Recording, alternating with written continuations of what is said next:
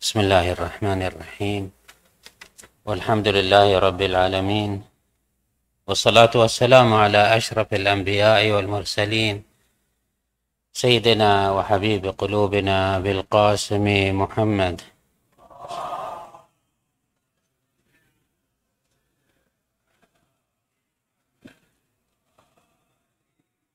وعلى أهل بيته الطيبين الطاهرين المعصومين الميامين. اللهم صل على محمد سيد المرسلين وخاتم وحجة رب العالمين المنتجب في الميثاق والمصطفى في الظلال المطهر من كل آفة البري من كل عيب المؤمل للنجاة والمرتجى للشفاعة البري من كل عيب المؤمل للنجاة والمرتجى للشفاعة المفوض إليه دين الله اللهم شرف بنيانه وعظم برهانه وأفلج حجته وارفع درجته واضع نوره وبيض وجهه. اللهم أعطه الفضل والفضيلة والمنزلة والدرجه الرفيعة والوسيلة والدرجه الرفيعة وابعثه اللهم مقاما محمودا يغبطه به الأولون والآخرون. اللهم صل على محمد وآل محمد الأوصياء الراضين المرضيين بأفضل صلواتك وبارك عليهم بأفضل بركاتك. والسلام عليه وعليهم وعلى أرواحهم ورحمة الله وبركاته. ثم السلام عليكم أيها المؤمنون جميعا ورحمة الله وبركاته. قال عز من قال في محكم كتابه الكريم بسم الله الرحمن الرحيم. قل هو الله أحد. الله الصمد. لم يلد ولم يولد ولم يكن له كفوا أحد. كذلك قال عز من قائل في محكم كتابه الكريم بسم الله الرحمن الرحيم. الله لا إله إلا هو الحي القيوم. لا تأخذه سنة ولا نوم. له ما في السماوات وما في الأرض. من ذا الذي يشفع عنده إلا بإذنه. يعلم ما بين أيديهم وما خلفهم. ولا يحيطون بشيء من علمه إلا بما شاء. وسع كرسيه السماوات والأرض ولا يؤده حفظهما وهو العلي العظيم. صدق الله العلي العظيم. لعله من الأمور الجلية الواضحة مركزية التوحيد في الطرح القرآني وأن كل صفحة في القرآن الكريم بل كل آية تدور حول هذا المحور. حتى عندما يتصدى القرآن لمعالجة الشؤون الاجتماعية والعسكرية والأخلاقية فإنه ينطلق من مسألة التوحيد وينتهي إلى قضية التوحيد. فالتوحيد الإيمان بالله بوحدانية الله مسألة محورية عميقة تأصيلية في القرآن الكريم. بل في الدعوة الإسلامية الرسول صلى الله عليه وآله عندما جاء لأمته جاءهم بهذا الشعار قولوا لا إله إلا الله تفلحوا. كل ما في الإسلام كل الدين الفلاح والصلاح كله يتمحور حول هذه الدعوة. التأكيد الكثير في الروايات على ثواب وموقعية هذه الكلمة بأنه ما وضع في ميزان العبد شيء أرجح من قول لا إله إلا الله. ومن لم يكن في ميزان هذا القول فلن ينفعه شيء. بل أنه في الحقيقة كل النبوات والرسالات والأصلاح كلها تتمحور كل حركة الإنسانية كل حركة تاريخ الإنسان تتمحور حول هذه القضية قضية التوحيد وأن لا إله إلا الله وأن الله واحد شر لا شريك له. وهذه القضية من الركائز العميقة في نفس الإنسان. لو لم تكن هناك نبوات ولو لم تكن هناك رسل ولم يكن هناك قرآن ولم تكن هناك بعثة إلهية للإنسان يكفي ما في وجدان الإنسان وما في عمق الإنسان من شعور وإدراك وفطرة ومغروس في أعماق هذا المعنى. حتى أن أمير المؤمنين عليه السلام في توصيفه لعمل الأنبياء يقول ويقول إنما بعث الأنبياء ليستثيروا دفائن العقول. فهذه الدفائن وهذه الكنوز وهذه المعارف وهذه الحقيقة المحورية المركزية في عمق الإنسان إنما يأتي الأنبياء ليثيروها ويحيوها ويفعلوها. فهم لا يأتون بشيء خارق للعادة وشيء غريب وشيء غير مألوف. إنما أمر متوافق مع الفطرة متوافق مع الوجدان متوافق مع الطبيعة. حتى أننا نقول عندما نحج ونسلم على الحجر نقول هذه أمانتي أديتها فالأنبياء إنما يستأدون أمانة الله في نفوسنا. فإذا مسألة التوحيد مسألة محورية ومسألة أساسية. نعم هي ليست خالية من أن لها امتدادات وتفرعات وشروط وهيئات معينة. تحتاج منا في الحقيقة إلى وقفة تفصيلية لنفهم ما هي هذه الكلمة.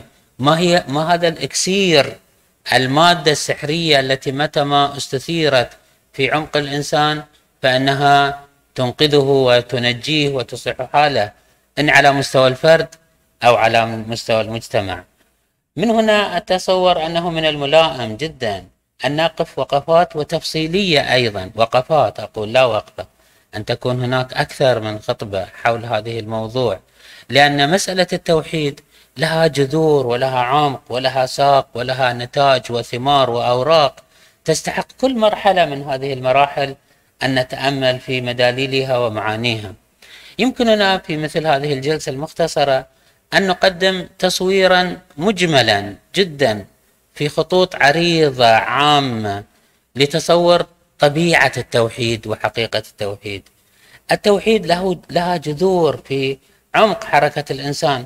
ولعله يمكننا أن نختصر هذا المعنى من خلال ما نسب إليهم عليهم السلام في توضيحهم لطبيعة التوحيد بأنهم كانوا يقولون هي قول باللسان ولكن اعتقاد بالجنان وانقياد بالأركان. وجاءت هذا المعنى بصيغ أكثر من صيغة بعضها هكذا كانوا يعبر أنه قول باللسان واعتقاد بالجنان وعمل بالجوارح. المعنى واضح أن لها ثلاثة مستويات.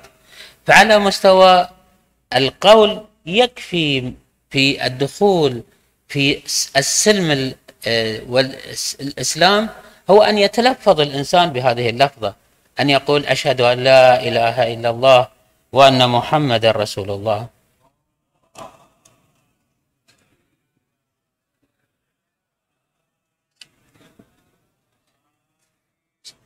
فهذه اللفظة تقي الإنسان وتدخله في دائرة الحصانة الإسلامية تجعله مسلم حلال اللحم والنكاح ونأكل من ذبيحته ويحرم دمه وعرضه وماله.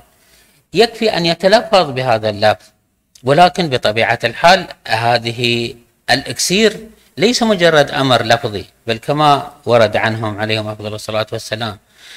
نقول أنه حقيقة هذه المسألة. الآن أقول أنه أصورها تصويرا مجملا في خطوط عريضة جدا.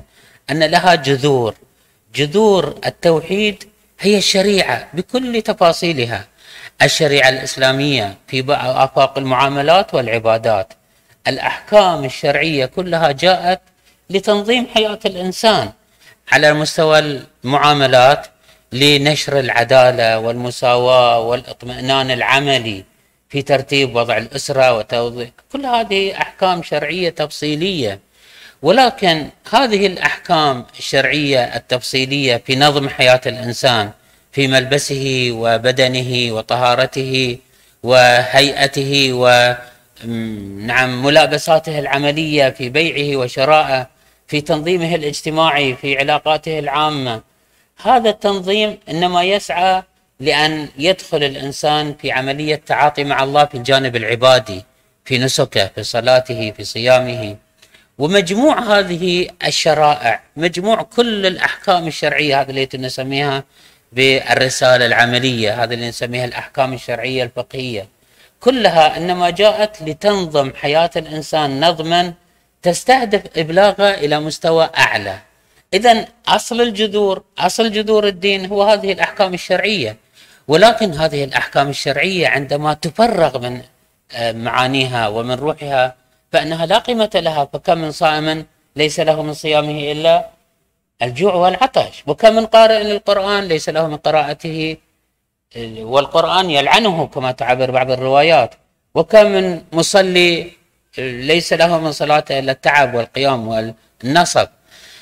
هذه الأحكام الشرعية طبعا هذا إذا كان في النسك فمن الأولى أن يكون كذلك في المعاملات في الطهارة والنجاسة والوضوء والحج وما شكل ذلك من أعمال خارجية في البيع والشراء لعله لفظة الحج غير دقيقة. في المعاملات والبيع إنما هو لنظم حياة الإنسان لإيجاد حالة من العدالة والمساواة والملاينة والتوافق لكي تصل إلى الهدف وهو بناء الساق.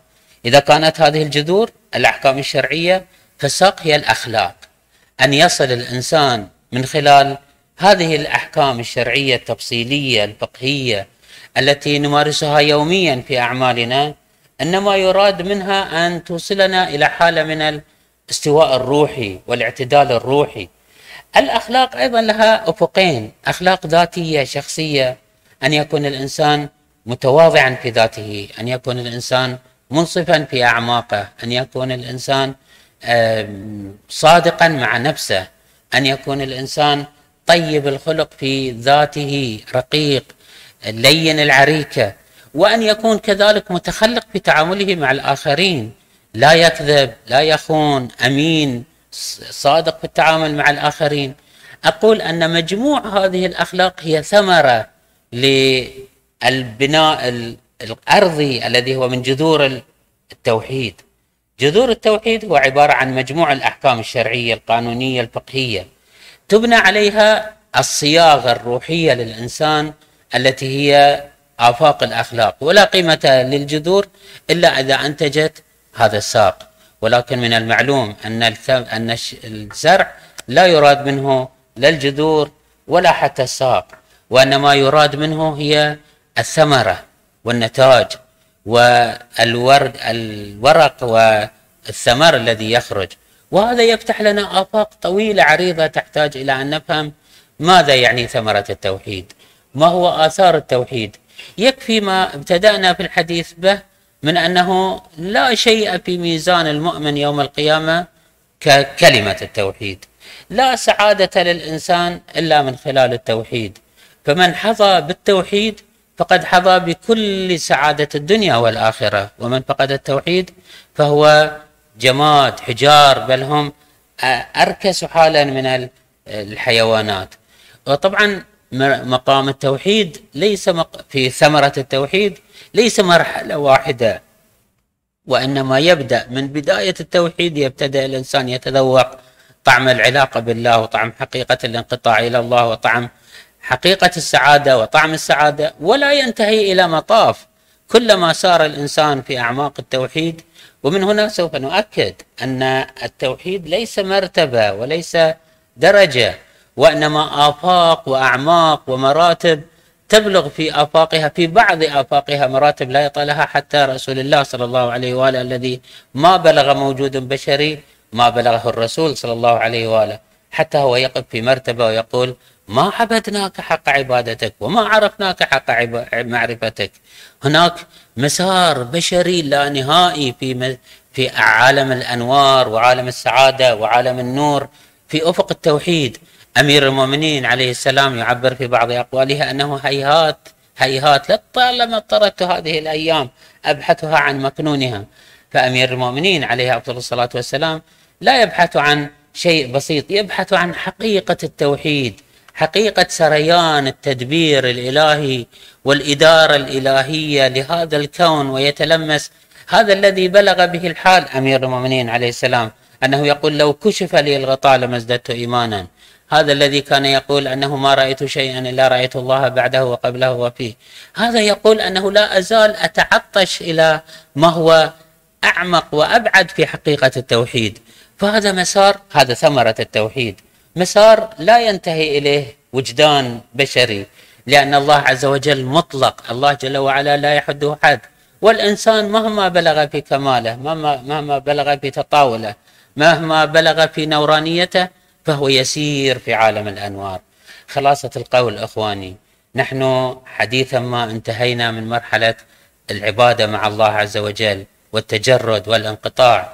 يفترض أن ننطلق في فهم حقيقة التوحيد. وهنا أريد أن أشير إلى ما قد ذكر لي بعض الأخوة في بعض الإشكالات. يقول نحن عندما نذهب إلى الحرمين الشريفين عندما نصغي إلى أحاديث الأخوة من المدرسة العامة نجدهم يؤكدون على خطورة الشرك وأهمية التوحيد كما لا نجده في مدرستنا. فقلت له أنه سوف أنقل لكم إن شاء الله أحاديث وروايات وتوجهات مدرستنا وأنها كلها تتمحور حول مسألة التوحيد. ولكن ليس التوحيد على مستوى الهيئة والشكل والنظم العملي فقط وإنما التوحيد على مستوياته في آفاقه العليا وفي مراتبه العالية. وذلك قصد منا إن شاء الله أن نعمل بجد على أن نفهم حقيقة التوحيد وأن نحيط بما يمكننا أن نحيط به من معنى حقيقة التوحيد ليكون ذلك إن شاء الله سببا لنا في أن نسلك هذا المسلك وأن نتحرك عمليا وأن نتحرك آه، روحيا وأن نتحرك فكريا في بلوغ عملية التوحيد. أخيرا أقول أنه لعله يمكن أن نقول هكذا. أن جذور التوحيد كانت عبارة عن العلوم الفقهية وساق التوحيد يمكننا أن نسميه أنه العلوم الأخلاقية وثمرة التوحيد هي العلوم العرفانية والفلسفية.